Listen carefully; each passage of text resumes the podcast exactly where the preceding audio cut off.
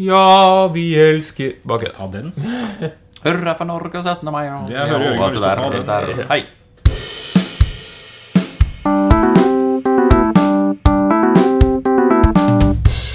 Den gang da. Hurra, hurra, hurra! Hurra! Hurra! 17. mai!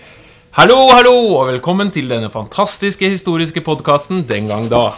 Vi har da som tema i dag 17. mai. Nå er det snart 17. mai, og vi har denne podkasten for å finne ut av hvorfor feirer vi 17. mai. Det, det korte svaret er jo Grunnloven, men vi er jo her for å gi dere det lange svaret. Og med meg som vanlig for å gi oss dette lange svaret, så har vi Jørgen Lie. Velkommen. Hei, takk. Snart 17. mai. Gleder du deg? Eh, ja, eh, jeg gjør det. Eh, det er jo mm, litt annerledes nå enn da jeg var barn. Det må jeg innrømme. Ja, Men nå har du jo barn. Så Ja, det, nettopp, så nå blir det jo på en måte Nå lever jeg jo livet gjennom dem, nå. Det ja, ja. det er jo barnas dag, er det ikke det de sier? Jo, det er vel det man sier. Eh, ja. Velkommen til deg også, Hans. Takk, takk for det. Jeg er her, ja. Ja. ja. Hans, ja. Vi skal se i løpet av Kanskje vi kan finne ut etter hvert om det er barnas dag. Eh, ja, kanskje vi skal se på det. Vi skal jo, som jeg sa, prøve å finne ut av hvorfor feirer vi 17. mai. Og mange har kanskje en viss anelse. Det er jo Grunnloven i 1814. Det er ikke mange årstall man på en måte kanskje biter seg fast i historie, men 1814 er jo et ganske kjent årstall. Vil jeg, I hvert fall i Norge, da, vil jeg hevde. Ja. Ja, Norge var jo tidlig ute, jeg må jo kunne si det. Altså, Det var ikke mange andre europeiske land som kunne skilte med en grunnlov av den art uh, på det tidspunktet den ble laget, i, altså i 1814. Konstitusjonelt monarki og hele greia. Det er ganske storveist. Så det, det er det jo mulig å slå seg på brystet og si at der var vi tidlig ute. Eh, inspirert av uh, franske revolusjonen noen tiår før. Og noen av paragrafene ja, hentet, ja, Hva slags annen inspirasjon henta man egentlig? Amerikanske uavhengighetserklæringa og generelle opplysningsideer om folkesuverenitet og moro. Ja. Maktfordeling av alt som er bra. Og alt som skulle på en måte være til stede i et oppegående, moderne demokrati, det var jo på plass helt fra starten, egentlig, i eh, Grunnloven eh, av Eidsvoll 19, eh, 1814. Ja. Vi kan jo ta en liten kort gjennomgang. Altså, Hva er det som fører til 1814? Norge er fra 1380-tallet eh, i union med Danmark. eh, Fra 1537 og reformasjonen, mer sånn lydrike under Danmark. Og fra 1660 så er Norge underlagt en eneveldig dansk konge. Norge er jo egentlig ikke noe land på den tiden. Nei. Men så begynner det å skje ting i Europa. Annet en uh, liten knallert som heter Napoleon. Som går fra begynnelsen av 1800-tallet ut i en rekke kriger. Eh, og Norge, da, i, sammen med Danmark, Danmark-Norge som det var, blir jo med på krigen på Napoleon sin side. Ja, på feil side, da, hvis vi, Hvis vi- sett i lys av ettertiden. Ja, Etterpåtidens klokskap så kan vi vel si at det var feil side. Men for Norge fikk det jo kanskje ålreite konsekvenser. For det er jo dette flåteranet. Eh, 18, 1807, var det? Yes, yes Ja. 1807. Britene stjeler rett og slett mye og senker mye av den danske flåten. Fordi de var redd for uh, flåten, rett og slett. Ja. At den skulle settes inn i uh... At den skulle komme i Napoleon sine hender. ja. Og samtidig med dette så driver Sverige og velger seg noen nye, nye ledere. Da Jean-Baptiste Bernadotte, som tar navnet Karl Johan. For øvrig er fransk opprinnelse. Han var jo en franskmann. En venn av Napoleon òg. Ja, Hærfører for Napoleon. Ja, Så her er jo båndene ganske tette. Men han går imot Napoleon. Så da har du jo Danmark, Norge og Sverige på hver sin side av krigen. Så gjør jo Napoleon ikke sant? sånn som Hitler går inn i Russland, og det er stort, og det er kaldt, og det er fælt, og det går dårlig. Og Som det pleier. så, er det et, og så i tillegg så mister jo Sverige Finland til Russland, og ser etter nye områder. Og ser at Norge er jo et fint og flott sted. Eh, Det hadde vært ålreit å få.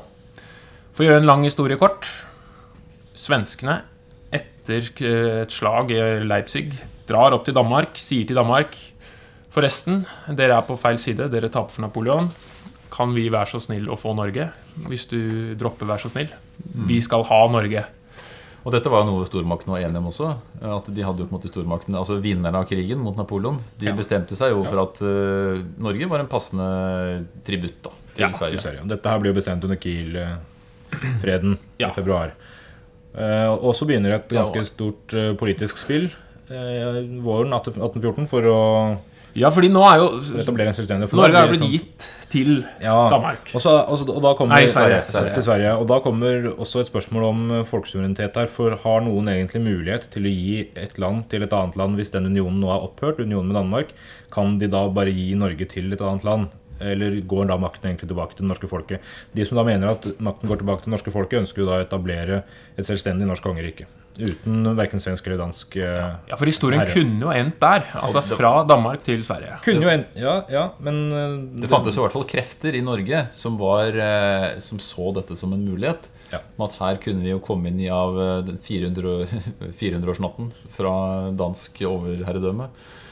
Og det ble gjort noen eh, ganske gode forsøk også. Uh, Ja, fordi er, her er det jo uh, Altså Christian Fredrik han er i Norge som norsk stattholder, eller for stattholder for å styre Norge på vegne av Danmark. Han er en arveprins i, i Danmark. Han er tronefølger i Danmark. Og ønsker jo egentlig, når denne Kiel-freden blir kjent i Norge, så ønsker han å gjøre seg til konge, fordi han mener at arveretten er hans, og at han skal bli norsk konge. Men han lar seg overtale da, til å velges til norsk konge med da en grunnlov. det var snilt gjort. Ja, og det er jo dette samlingen på Eidsvoll som sikkert mange har hørt om, hvor det da blir en slags eh, valg hvor de velger folk til å møtes på Eidsvoll. Setter seg ned der, diskuterer. Hva gjør vi? Noen mener at vi bør eh, komme så helskinna som mulig inn i unionen med Sverige. Noen mener nei, vi skal danne vårt eget land. Og det bør også sies at uh, hele Norge var ikke representert her. Uh, Nei, de no- nordligste fylkene rakk jo ikke fram. Nei. Det er langt. Det er langt langt fra Finnmark til Eidsvoll. Invitasjonen kom ikke fram til dem i tide. Eh, og Christian Magnus Falsen hadde jo da kludra ned mer eller mindre hele grunnloven på forhånd, som han stilte med, og sa dette her er mitt forslag, vi redigerer den litt. Og så gikk den gjennom. Og Christian Fredrik, det endte jo med at Christian Fredrik og grunnloven da blir vedtatt. Eh, han blir vedtatt som konge, grunnloven blir vedtatt som grunnlov 16. og 17. mai 1814. Ja, Og da levde du lykkelig alle sine dager, eller? Nei, Nei. Nei, for hva med Sverige? Nei, Sverige blir jo da bitre, fordi de har jo blitt lovt Norge. Ja. Eh, og Karl Johan, som, eller som Baptiste Bernadotte, da, som nå har tatt navnet Karl Johan og har blitt svensk arveprins, han, eh, altså kronprins, han, eh, han tar jo snu da, eh, etter å ha fortsatt å krige litt nede i Europa, snur nå kommer mot Norge om sommeren. Og du rekker ikke å snu deg vet du, før de jæskla nordmenn har forkludra hele greia. sant? Så han kommer jo tilbake og ser at dette her er jo ikke greit. Og da sier jo Norge jo. Det er greit. Og når man er totalt uenig om hva som er greit, da blir det som det ofte blir krig. Ja. Det skal sies at den var ikke lang. Nei, 14 dager eller noe, var ikke det? Ja. Det er vel faktisk den siste krigen Sverige har utkjempa. Om jeg ikke tar feil. Ja. Ja, I hvert fall, som nasjonalstat, hvis vi ikke skal Ja. trekke inn eh, Nato og FN og sånn. Men, eh, Nei, militære operasjoner. terroroperasjoner. Men eh, Det er jo ikke mer er enn. Nato heller. Men ja. ja, det er sant. Så, så det var en krig da mellom Norge og Sverige. Ja. Og da må det jo sies at Norge på denne tiden ikke var verdens navle sånn som det er i dag. Um, kan jo diskuteres om det er i dag òg, men uansett så var det i hvert fall Altså Sverige var jo en stormakt i forhold til Norge. Den reelle muligheten til Norge for å slå Sverige var ganske liten. Men de gjorde faktisk ganske god motstand. Eh, bedre man kanskje hadde trodd. Men det ender jo allikevel med at Norge taper krigen, da. Eh, og må krype til korset, nærmest, og signerer da denne freden i Moss om å rive noen grensegreier og om å liksom akseptere svensk overherredømme. Men de får lov til å beholde sin egen grunnlov. Så fra å ha vært underlagt en eneveldig dansk konge, sitter nå i en union med Sverige med en egen grunnlov, som faktisk var mer eh, si, demokratisk nå enn det den var originalt fra 1814. Ja, etter redigeringa, ja. Ja, etter en slags redigering nå.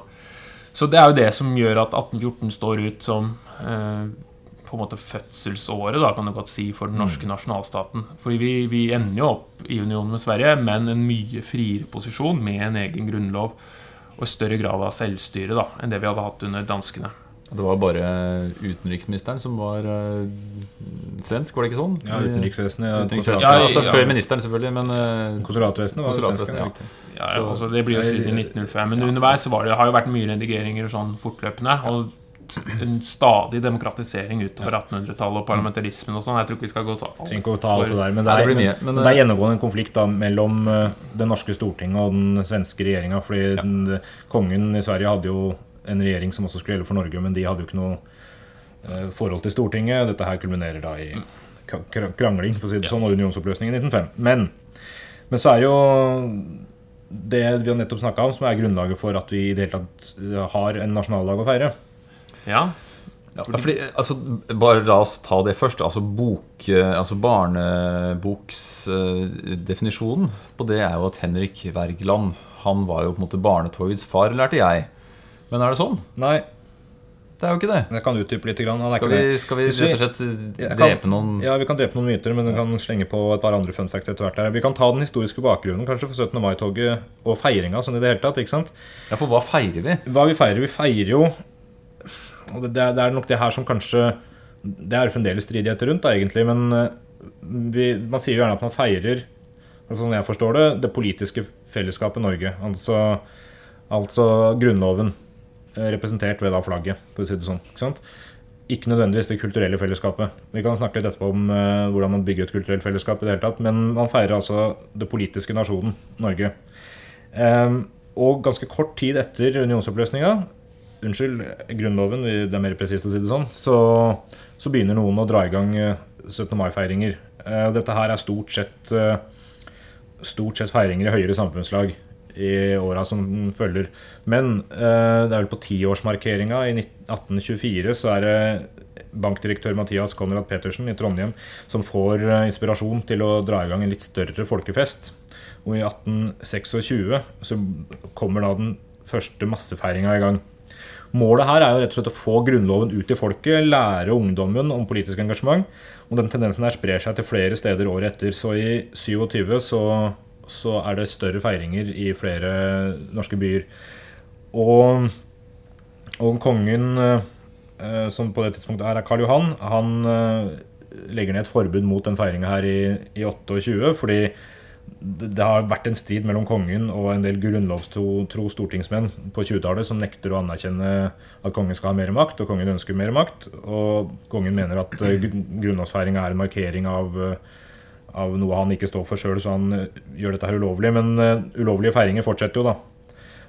Og det er, en, det er en fin historie fra 1829, da du har det derre torvslaget mellom en del militære styrker og festdeltakere i Kristiania. fordi det blir jo arrangert fest. og kongen sender inn eh, militær- og politifolk som skal slåss mot, eh, mot de som prøver å feire Grunnloven. Så det var ikke en helt uproblematisk oppstart. Men eh, det fortsetter med stadig feiringer og stadig konflikt, og så roer konflikten seg en del når, når kongen dør i 1844. Så er det en del år med ganske rolige feiringer etter det. Men, den, men siden du nevner Wergeland her, så er det gøy å trekke fram den eh, historien fra 1833, der er- det skal avdukes et monument av en stortingsmann. Han het eh, Christian Krogh for øvrig, ikke den samme som maleren og forfatteren. Han var veldig imot økt kongemakt på 20-tallet. Eh, Så når man skal avduke en statue av han, så, så blir det dårlig stemning.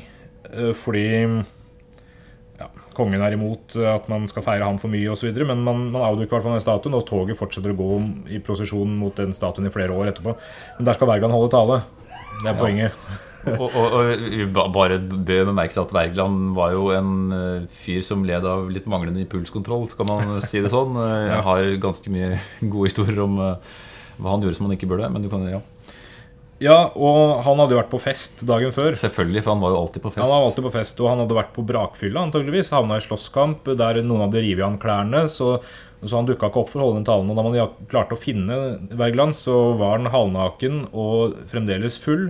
Man fikk på den ene av sånn utkledning, en sånn bondedrakt som han, noen skulle bruke i et eller annet, en eller annen anledning. Så han holdt altså den talen her i bakfylla etter en slåsskamp og ikledd en annen bondekostyme.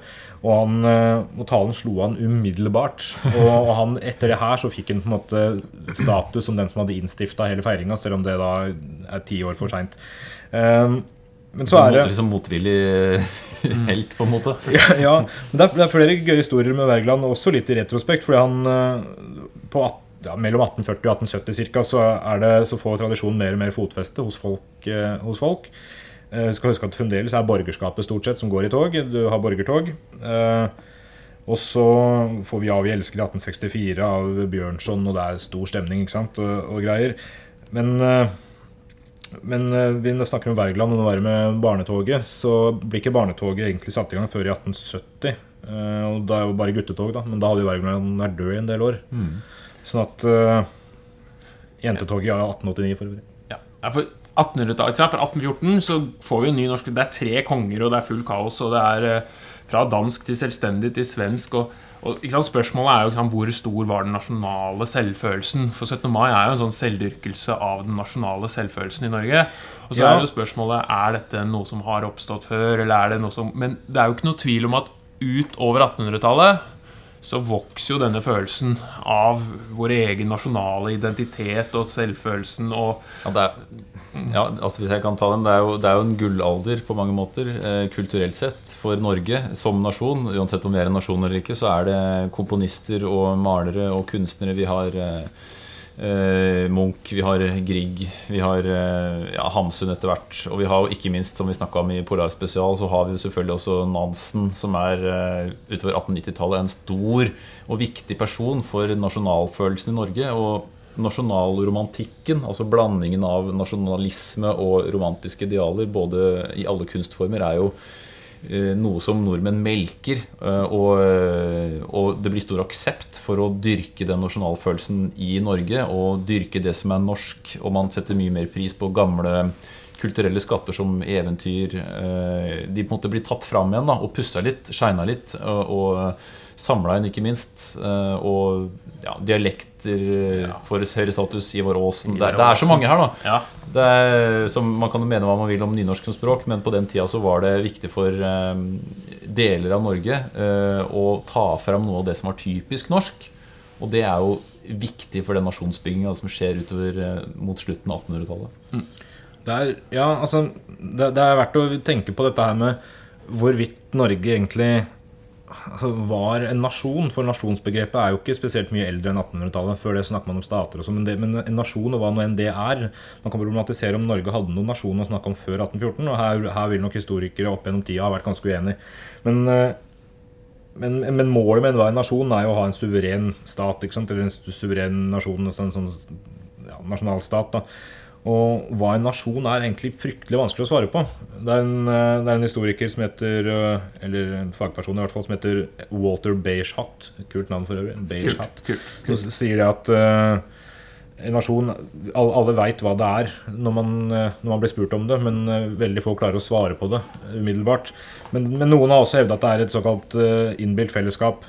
Bendik Anderson sier det. Og det, det innebærer jo at det er noe vi på en måte har skapt. Vi, har, vi, vi skaper en, et fellesskap, en tradisjon, som vi på en måte gjør til til Ja. vårt eget, og Det er jo det du snakker om, Jørgen, når du sier at eh, man, man trekker fram folkediktninga igjen, og man, man fornorsker språket og på en måte skaper en norsk enhet. da Og det er det mye av 17. mai handler om, tenker jeg. Det handler Ja. om å prøve å finne noe som er Hva er det vi har felles? Jo, 17. mai er jo liksom der vi dyrker det felles. Eh, om det er pavlova, kake eller champagne til frokost, eller hva det er blitt, så er det i hvert fall en sånn dyrkelse av fellesskapet innad for de grensene vi har, da. Ja, og, ja, og viktig, eh, morsomt hvis man skal se på det med et moderne tilsnitt. altså Sånne nasjonalfeiringer De er jo mm, like sterke ofte hvis man finner eh, norske samfunn utenfor Norges grenser. Om ikke sterkere. Om ikke sterkere. altså Typisk amerikanske nybyggers, altså, Ikke nybyggersamfunn, men altså utvandrere da, fra siste store bølgen er på 50-tallet. Og Ja. mange av de har jo en sterk følelse av norskhet. Og ikke bare nordmenn, men eh, den irske feiringa av St. Patrick's Day f.eks. Mm. i USA er jo hvis ikke større enn den som gjøres i Irland. Ja. Så den tanken om, altså Det er typisk den følelsen man får når man er i utlandet og møter andre nordmenn. Så er det, Yay! Og så er man venner, og så snakker man sammen uansett om man ikke ville gjort det hvis man var hjemme. da Norge! Det er sånn, vi, vi bindes sammen av vår mentalitet som nordmenn, språket, at vi ja, møter hverandre, og så er det på en måte har vi et eller annet udefinerbart som Ja. er felles. Fordi språket er felles, men altså, på mange måter så er det lettere å forstå en uh, svenske enn en fra Stavanger, eller hvor det skulle være, som har veldig grøtete dialekt. Men, man, man kan også få den nordiske fellesskapsfølelsen også, selvfølgelig. Hvis man møter en svenske på parkeringsplassen, så er det på en Ja, ja, ja, vi forstår hverandre, vi har et eller annet der. Ja, altså. og den gamle skandinavismen er ikke noe mindre nasjonalisme, det heller. Det er, det er man kan jo se på, nord, på hele Skandinavia som en nasjon, på en måte. Men, og en nasjon innebærer jo ikke at du, du trenger jo ikke å ha en stat for å ha en nasjon, for øvrig. Eh, Men, men eh, Nei, jødene, for eksempel, som Ja, et eksempel, er jo samene Ja, samene. Ja. også anerkjent som nasjon. Vi, men du, du sier Henning, at du, det der litt sånn udefinerte som binder oss sammen eh, Det er noen filosofer, Hegel og Herder og Schelling og greier, tyskere stort sett, som, som snakker om det folksgeist-prinsippet. Altså det, det er på en måte en sånn eh, En folkeånd, da. Noe som noe som bare er det folket. Og det defineres gjennom alt det som binder oss sammen, fra nasjonale symbol og språk og greier. Og på 1800-tallet, som, som med 17. mai-feiringa, og også det som har blitt en del av dagens 17. mai-feiring, så lager man jo alt dette her. Man, man konstruerer på en måte alle disse, disse elementene. ikke sant? Du skal ha er personlig egnethet og et språk som, som måte kan definere norske fenomen og sånn. Og til og med en egen innvandringsteori. Jeg vet ikke om dere kjenner til den? Keiser, Munch og Schøning hadde en innvandringsteori på, på 1800-tallet om at nordmenn ikke var i slekt med svensker og dansker. Sånn rent etnisk. fortell. Eh, For, nei, det, jeg har ikke noe mer enn det. Det viser seg å være Det er jo bare tull, selvfølgelig. Bare for å skape noe ja, ekstra de, de, norsk. ja, men de mente det. At, at nordmenn var en egen eh, retning da, innafor germanerne. Det var ikke i slekt Men det hadde kanskje et behov for å fjerne seg også nettopp da, fra den skandinaviske fellesskapstanken, ja. hvis det var et poeng i seg sjøl Ja. For det er jo historiske tilfeldigheter på mange måter som gjør at grensene er satt der den er. Og så har man i ettertiden klart å konstruere et fellesskap mm. innenfor har de grensene. Og det er jo det som er Ja, og det, det som er morsomt, det er det her var jo folks Altså historikeres og mange folks rolle egentlig på 1800-tallet. Og det er nok viktig å huske på det rundt 17. mai-feiringa også, at nettopp at den, den har en, en oppreisning fra på måte, fra bunnen av oppover, fra nasjonen og opp mot det statlige planet, ikke motsatt. Det er ikke, det er ikke myndighetene som på en måte putta nedover i systemet, men har vokst opp fra bunnen av. Det har gjort at den norske nasjonaldagsfeiringa er mye større enn f.eks. i Sverige og Danmark. Vi er stolte av den. Det er liksom særnorsk. Det er barn, og det er tog, Ja, ja. og det er ikke militærparader og fyrverkeri. Men det er jo, den store viktig. forskjellen. Da. Det er veldig- det er vet stor forskjell. Ja, men, men vi kan bare ta den først. Sammenligna med andre nasjonaldagsfeiringer, så framstår jo liksom det norske som en sånn eh, pølseorgie med flagg og bunader. Også sammenligna med altså de, de mer ekstreme i andre enden, da, hvor man har militærparader som det ble sagt der, med viser fram arsenal av atomvåpen i Russland og Nord-Korea. Jeg tør ikke tenke på hvordan det foregår der. Men uh, altså, Norge er Det er så, det er så jovialt, da. Ja. Det er så ufarlig på noen måte. Og, og det er en sånn enorm aksept Ja. for selvfeiring. Ja. Så bare husker også at Norge er jo en veldig ung nasjon. Mm. Så vi kan jo egentlig våre, altså De som er født etter andre verdenskrig, som begynner å bli litt opp i åra nå, er jo den første generasjonen på nærmest 700 år som har levd hele livsløpet i et fritt, uavhengig Ja, det er Norge. Det er et godt poeng. Det er jo, vi er jo så vidt tørre bak øra som nasjon. Det er en nasjonalismeforsker som heter Miroslav Kroch, tror jeg. Han, Hroch, eller noe sånt, Hroch, Hroch, eller et eller. Han, han, han mener at, at det er noe av grunnen kanskje til at den norske nasjonaldagsfeiringa har slått an så godt. Og det er at vi at, at Eller eh, ja, hva skal man si At Norge var en ung og en liten nasjon. Eh, Der får den fotfeste på en annen måte enn den gjør i allerede etablerte nasjoner som, som Danmark og Sverige var. Eh, Og og det var en undersøkelse fra år 2000 tror jeg, som, vi, sånt, som viser at oppslutninga rundt den norske 17. mai-feiringa var på 70 Altså de som ja. De som de, Ja, de, de nei, altså de som deltok. Altså, Deltok, ikke de de, men de som aktivt deltok i feiringa, var på 70 der. Det er mye. Det er mer enn valgdeltakelse, f.eks. Og så kan vi fremdeles si at for, for oss som deltar i 17. mai-feiringa, så kan man si 30% som ikke deltar. Hva er, hva er med disse De folka? som på jobb, da, du, ja. Noen må jo selge de pølsene òg. Men hvis du sammenligner det her med Sverige og Danmark i samme undersøkelse, så svarer 5 og 7% deltakelse på den svenske og danske nasjonaldagsfeiringa. Det er veldig mye mindre. Så svenske flaggans dag, det er ikke Nei, 6. juni har liksom ikke slått an på samme måte. og Det, det her handler om at det har på en måte blitt bestemt at du trenger en svensk nasjonaldag. Det er ikke, det er ikke en folkelig rørsle på samme måte som i Norge. Da. Folk, Ovenfra og ned er alltid mindre, alltid mindre attraktivt. Ja, ikke sant. Men, eh, men det er eh, Men disse nasjonale symbolene eh, som vi snakker om, som vi bruker hele tida, sånn som bunaden f.eks. Bunaden er ikke spesielt gammel. Nei, det er jo en konstruksjon. ja. Mange tenker at det er jo noe som har eksistert til all tid, men det er jo også en del av nas- nasjonalromantikken på 1800-tallet. Ja, Og så kan man Hva slags bunad? Nei, jeg hadde bestemoren til bestevennen min til eh, Tidligere ekssvigerinne til var fra Gudbrandsdalen, så jeg har sånn Gudbrandsdalsbunad. Ja, Eller alle vil jo egentlig ha nordlandsbunaden, for den er finest. Så Ja. måte alle kan ja, jeg, har, jeg, jeg var i Ja. Nordland en gang, så da Men de, men de, de bunadene vi bruker i dag, er jo oppfunnet de første eller første 20 åra på 1900-tallet. Mer eller mindre av Hulda Garborg. Og Hulda Garborg for øvrig, nasjonsbygger av rang. Eh, hun ja, Vi kan trekke fram hardingfela. Der hadde ikke hun noe hun skulle ha, tror jeg, så mye med. Men, eh, men hardingfela har jo blitt et nasjonalinstrument. Ingen på Østlandet hadde hørt om det instrumentet engang før 1840. Eh, Det var liksom, det Man må trekke fram ting da, og skape det til en sånn helhetlig svær greie. Man går liksom i historien og prøver å finne noen fragmenter, setter det sammen til en helhet og presenterer det som noe urnorskt. ja. For, nettopp ja. for å bygge denne her selvfølelsen. Hulda Garborg gjorde det her med Leikaringen òg. Den eh, det er, Er det, er det, driver man leikering fortsatt? Jeg tror folk, jeg har sett folk drive med det på Du, har- 17. du har vært på leikaring? Jeg har aldri vært med, jeg har vært på Folkemuseet. Old school, old school breakdance. For Det de er som jo det. ikke Ja, ja, Det er en slags sånn ufarlig breakdance, sånn Ja. uten brodd. Nei, nå tråkker jeg på mange tråkker du på tær her. men, men uansett, det, det har jo eksistert på Færøyene i mange hundre år. Men, men i Norge så har, har den blitt fronta som tradisjonell danselek. Det som er morsomt, er at den ble oppfunnet mer eller mindre som norsk tradisjon for å si det sånn da, av Hulda Garborg. Det var 7. mars 1902, Møllergata 20, Det er så bra.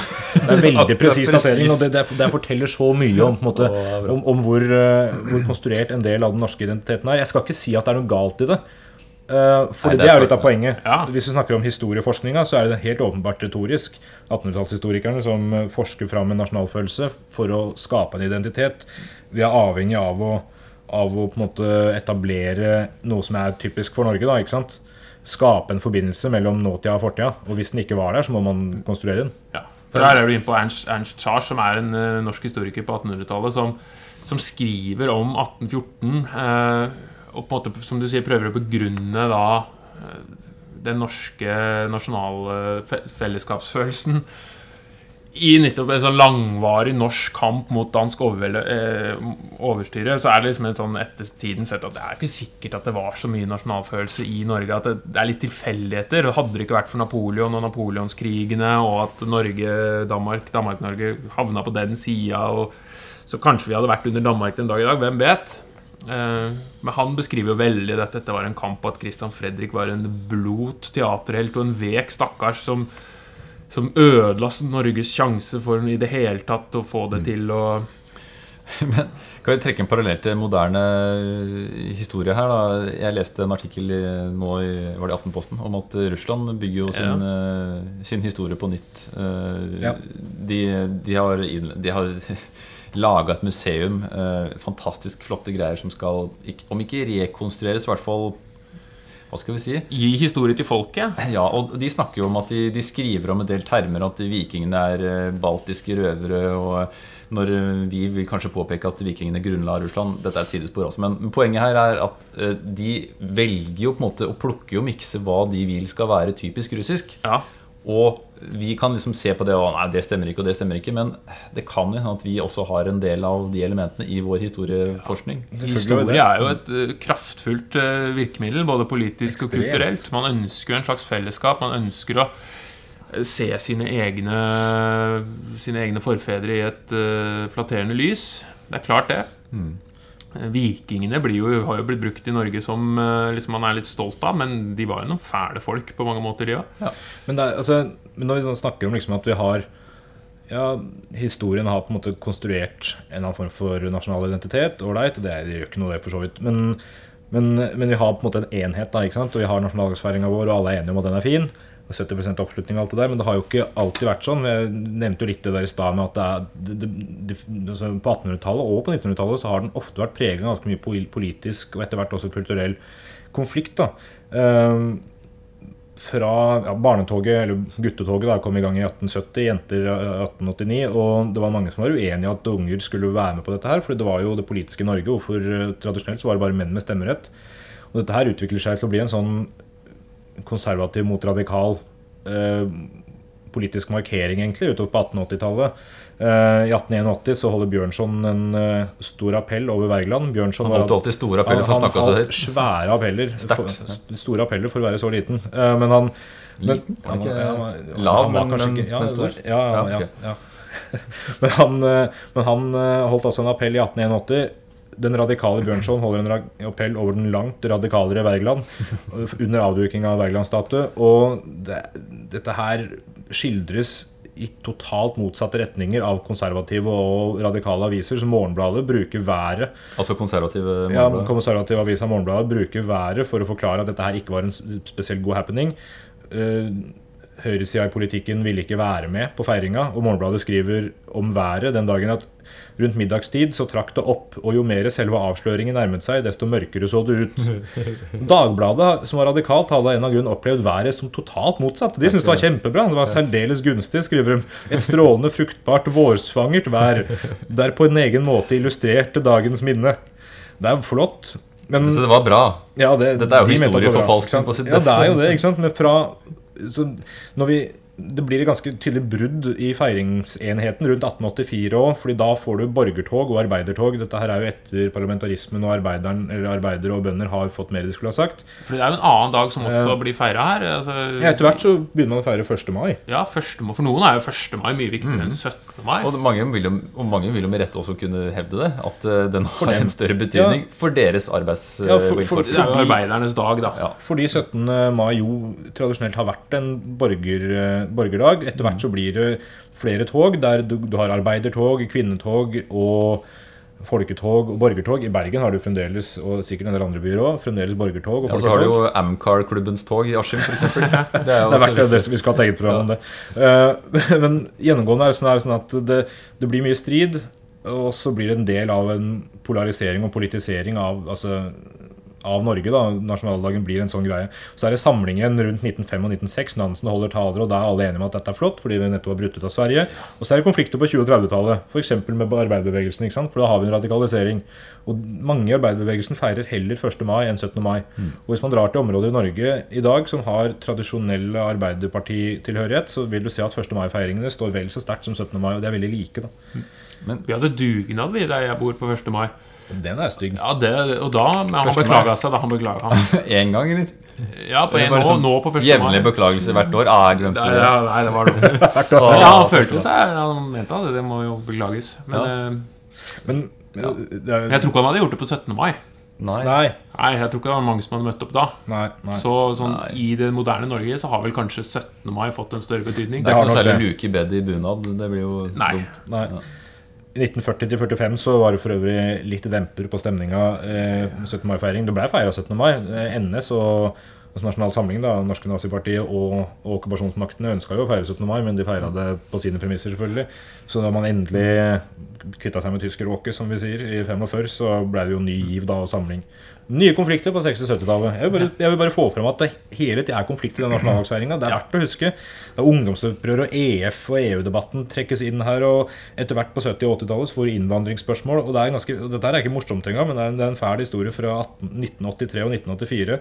Der Sagene skole i Oslo får bombetrusler med rasistisk innhold fordi de, fordi de har eh, innvandrere i 17. mai-toget. Så den dag i dag så altså, Nå er det jo en stund siden 1980-tallet, men Ja, men I dag i dag så har du jo også konflikter og spørsmål rundt bruk av flagg. Da. Altså, det norske flagget er jo akseptert i Norge som, som i ingen annet land, egentlig. Men, men skal man få lov til å bruke samiske flagg? Det er jo stadig debatt. Eller andre lands flagg, fordi det er innvandrere som har andre Fordi landsflagg. nasjonalismen i Norge har jo, er jo veldig sterk. Vi er en veldig ung nasjon, og det er veld, den er jo veldig utprega, egentlig. Men mange har kanskje en sånn formening om en slags uskyldig nasjonalisme, da. ja, men, så jeg tror Men det er jo kanskje litt uh, altså, hva skal jeg si, grå linjer her. Altså Mellom en uskyldig nasjonalisme og følelse av patriotisk tilhørighet som også kan bikke over til selvfølgelig også et skille mellom hva slags nasjonalisme Norge har hatt. da, ikke sant? Om det er en såkalt etnosnasjonalisme som feirer det historisk-kulturelle fellesskapet, eller en demosnasjonalisme som feirer det politiske enheten Norge. Hvis man snakker om at det er den politiske enheten, så er det jo helt uproblematisk å f.eks. bruke andre lands folkedrakter. Eh, I 17. mai-feiringa, fordi det ikke er kultur du feirer, det er politikk. måte du Og det er det jo fordi 17. Mai det er det. Er derfor flagget er et så viktig symbol på denne dagen. Men, men hvis man snakker om et etno, etnonasjonalistisk nasjonalistisk perspektiv, så, så vil det jo så vil det jo Ja, jeg veit ikke. Da vil det være problematisk å bruke folkedrakter igjen. Ikke sant? Men man- hvis du feirer eh, blått hår og blå øyne, så er det jo litt uh, ute og kjører. Ja. Men La oss eh, oppsummere litt grann, da, hvis vi ser 17. mai. Vi feirer jo det Grunnloven, ikke sant? fordi vi får den 17. mai. Ny norsk konge, Christian Fredrik. Det blir en krig med Sverige. Og vi endrer union med Sverige, men med en egen grunnlov. Så vi beholder beholde denne grunnloven. Og 1800-tallet handler om å bygge opp en slags nasjonal identitet. 17. mai får en betydning i feiringen av oss selv. 1905 er vi et selvstendig land, men det tar ikke mange år før vi igjen brytes eh, Eller vi blir invadert og er i krig, og, og, og, og Tyskland. Så, og Norge da etter da, altså en ny, ny, ung nasjon som liker å feire seg selv. Men har eh, Det er liksom 17. mai, veldig kort oppsummert. Men er- hva tenker du om 17. mais fremtid? Trenger vi 17. mai i dag? Er det fortsatt en dag som Kanskje Er det lov å påstå at det mer enn noensinne kanskje er barnas dag? Eh, fremfor noe? Altså Eller jeg veit ikke hva dere tenker. Jeg, jeg tenker på en måte at for meg, når de fleste altså, det, det handler om å øh, ha en happening i løpet av våren. øh, For mange At her kan vi ta på oss bunaden som vi altfor sjelden får brukt. Nå har vi brukt 35 000 på den bunaden. Og det er jo altfor varmt, egentlig. Alt for varmt. Og så hvis det er fint vær, så er det feil òg, Fordi da blir bunaden for varm. Men også er det for barn er det jo åpenbart en festdag med pølser og is. Jeg husker jo da jeg var liten at jeg kunne spise så mye is jeg ville den dagen. Og det var noe jeg utnytta grovt. Selvfølgelig liker jeg å tro. Sikkert minst to. Ja. Og da, da, da har det på en måte en mening for barnet det skal gås i tog. Men jeg veit ikke. Det er på en måte litt sånn skinnhellig. Det kan jo man- ses på som en indoktrinering i barna. I det nasjonal, kan Jo, men, ja, men det som er litt ålreit med å tenke på at barna har fått en så stor rolle, er jo at det kanskje, sånn jeg ser det, også har ført til en avpolitisering av feiringa. Sånn at det ikke lenger er de politiske stridighetene, men større og større fokus på at ungene skal på en måte ha en sånn dag. Og all den flotte korpsmusikken. Ja. Jeg klarer ikke å la være å le når jeg sier det, men all den flotte, all den Nå flotte tråkker Men det er Men det er Nei da. Men Så, altså, så det er unnskyldning aleine nok da til Ja, å ha 17. mai. Du skal ha korpsa skal komme seg ut. De må jo ha en dag, de òg. Buekorps. Ja, det er den ene dagen i året. Du skal jo være ganske grinte for å ikke like 17. mai. Ja, du skal det, fordi det er en festdag av de helt store. Og alle Men er du må jo ikke like korps. Nei, korps trenger du ikke Nei, like. nei, men det er jo det nei, mye Altså det som er, jeg synes er fint på 17. mai Hvis du ser på julaften, så sier man ofte det er en sånn trist og ensom dag for mange. ikke sant? Det blir ofte trukket fram og Grandiosa. Det er ikke måte på. Men 17. mai så låser vi oss ikke inne, men vi møtes ute. Det er jo Og det er det, er det noen andre dager nordmenn gjør det? Ja, det er ikke så Det er bare den dagen. Eller altså, arrester meg gjerne. Akkurat Olsok. Men, arrester meg gjerne, men er det den eneste dagen hvor nordmenn er liksom åpent vel, ut, ute og blant folk og sier hei? Og til og med på bussen kan man jo si hei til hverandre på 17. Ja, mai. sant? Hvis man har plass til å sitte ved siden av Det er ikke det på bussen. Nei, Det er ikke plass Man er jo der. drita fulle klokka tolv på nyttårsaften og fyrer opp noen raketter. Ja, men da er man, liksom- ikke i det, da er man fest for fest. Ja. Men, men på 17. mai så er man ute i gatene. Ja, er- Nyttårsaften er jo alltid en nedtur. 17. mai er ofte en positiv overraskelse. Mm, Fordi man treffer folk, og man kan sitte med solbriller, man kan ta en øl, man kan Så spise sier man 'gratulerer med dagen'. Ja. Gratulerer med dagen, Norge, sier man. Det er jo liksom bursdagen til Norge. Men det er det, og det, jeg tenker da at rollen til 17. mai i dagens samfunn Og det, er, det her er viktig å trekke inn at Norge er i dag, sånn som veldig mange andre land i verden, et multikulturelt samfunn. Man kan teoretisere rundt at 17. mai eventuelt også kan svekke på en måte muligheten til integrering fordi man feirer liksom det norske og greier. Men så lenge vi faktisk feirer det politiske Norge, og oppslutninga rundt grunnlov, lovverk, enhet og greier, så, så kan det faktisk fungere inkluderende. ikke sant? Den kan Ja. fungere som en sånn ja, alle som ønsker å ta del i det norske demokratiet, er velkommen. Ja. Og i demokratiet innebærer det også faktisk folk som er uenig. Mhm. De er også velkommen til å feire 17. mai. ikke sant? Så sånn sett så vil den ha en funksjon som inkluderende greie i et moderne Norge. Det kan, det kan også kanskje påstås at det er eh, sunt for en nasjon å ha en sånn dag for å få utløp for nasjonalismen. Altså Hvis man Ja. skal si at nasjonalismen ikke bare er en positiv greie, det kan også skape også dem følelse. Men Norge har kanskje løst det på en ikke, en grei måte. da Hvis man skal, ok, da Nå har vi lov til å bruke disse flagga og hemningsløst rope hurra for Norge. Og, Og alle er velkomne. Ja, i hvert fall I hvert vil vi hvert fall det er det det, det, det, det er sikkert noen som hører på det her, som sier at, eh, eller mener at det ikke er sånn, og det må de få lov til å mene. For de er også velkomne. Ja. Ja. Godt sagt. Godt sagt. Men, eh, men nei, målet er jo i hvert fall, da, sånn jeg ser det, fra, fra Og det er litt vanskelig, da. Fra myndighetenes side. Det er ikke myndighetene som nødvendigvis driver 17. mai, men for altså, målet fra på en måte det moderne folkeånda, da, for å bruke kombinere Altså ikke begrep høyånd, men Nei. Nei, nei. Den, vil jo være kanskje at 17. mai skal være en inkluderende dag for alle. Det er sånn den har utvikla seg til å bli, i hvert fall. Fra ja, Etter hvert som vi blir mer og mer atskilt med skjerm og hvert vårt hus og slott og låser oss inne, så nei, jeg mener det er en viktig dag. Ja. Møtes ute. Jeg kjenner jeg gleder meg. jeg har i hvert fall ikke noe veldig imot å feire 17. mai. Det, Ja, det har jeg ikke. Nei. lyse bukser og blå jakke. Det er det det blir i år. Hva skal du ha på deg? Eh, en eller annen dress. Av de to jeg har, så velger jeg en av dem. Jeg må kjøpe hørsler til minstedattera mi, for nå har vi jo to. Så nå, For det, det er jo mye korps, vet du, så du må Ja. beskytte seg mot det. Så Jeg, Sy noen puter under armen. Nei, jeg, morsomt. jeg, jeg, jeg har alltid problemer med å få tak i sånne 17. mai-sløyfer som jeg er fornøyd med. Det blir, det, jeg syns de er så kjipe. Og de der- da. ja, jeg glemmer det alltid. Å oh, ja, faen, det var det, ja. Ja, flott en 17. mai-sløyfe. 17. mai-sløyfe. Ja. Jeg, jeg, jeg var Så er det alltid sånn jordslag på det eh, flagget, nederst på flagget, fordi det har stått en eller annen jordpotte eller noe. Jeg, jeg er alltid pinlig berørt hvis jeg skal kjøre bil, for den har jeg alltid glemt å vaske. Og så driver Ja. folk liksom og kjører rundt med de nye, nye vaskede bilene, så kjører jeg møkkete bil. Ja. Det syns jeg er pinlig. Det blir gøy. Tombola og Pavlova og is.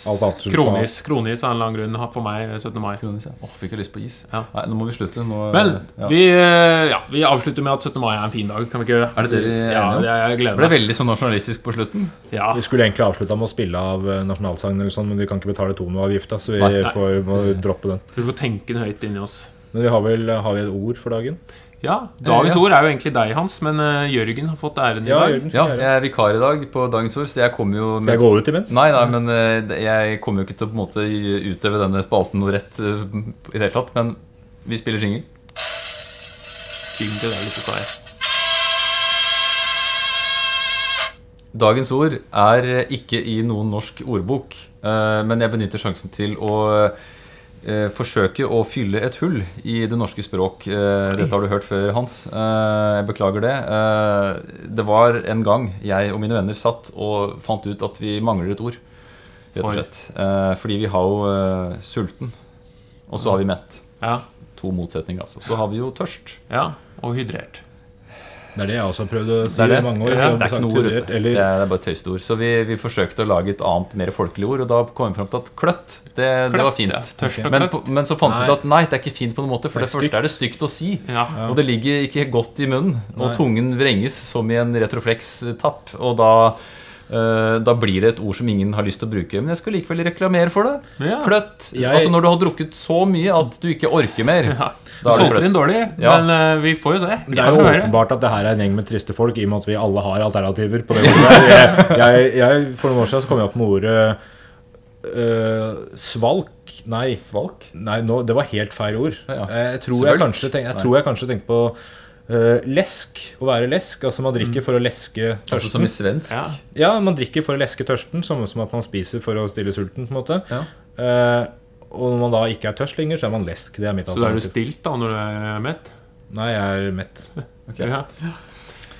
Jeg tror vi sier takk for nå. Eh, dagens ord kan vi ta til oss. Kløtt, eh, hvis det er det. Så bruk Jeg det gjerne. litt på ryggen hver gang det Det er ikke pent. Det er Jeg, ikke pent. jeg, jeg, at jeg liker lesk bedre, men, Ja, ja. men det er greit. Jeg kan begynne med å bruke kløtt. Ja. Eh, da sier vi takk for nå. Håper dere alle får en fin 17. mai hvis dere hører på dette før det. Hvis dere hører på det etter 17. mai, så håper jeg dere har hatt en fin 17. mai og får en fin neste år. Og hvis dere bruker 17. mai på å høre på dette, så Ja. kom dere ut. Ja, Kom dere ut blant folk. Smil og si gratulerer med dagen, og spis kaker og is og kjør på. Takk for i dag, da.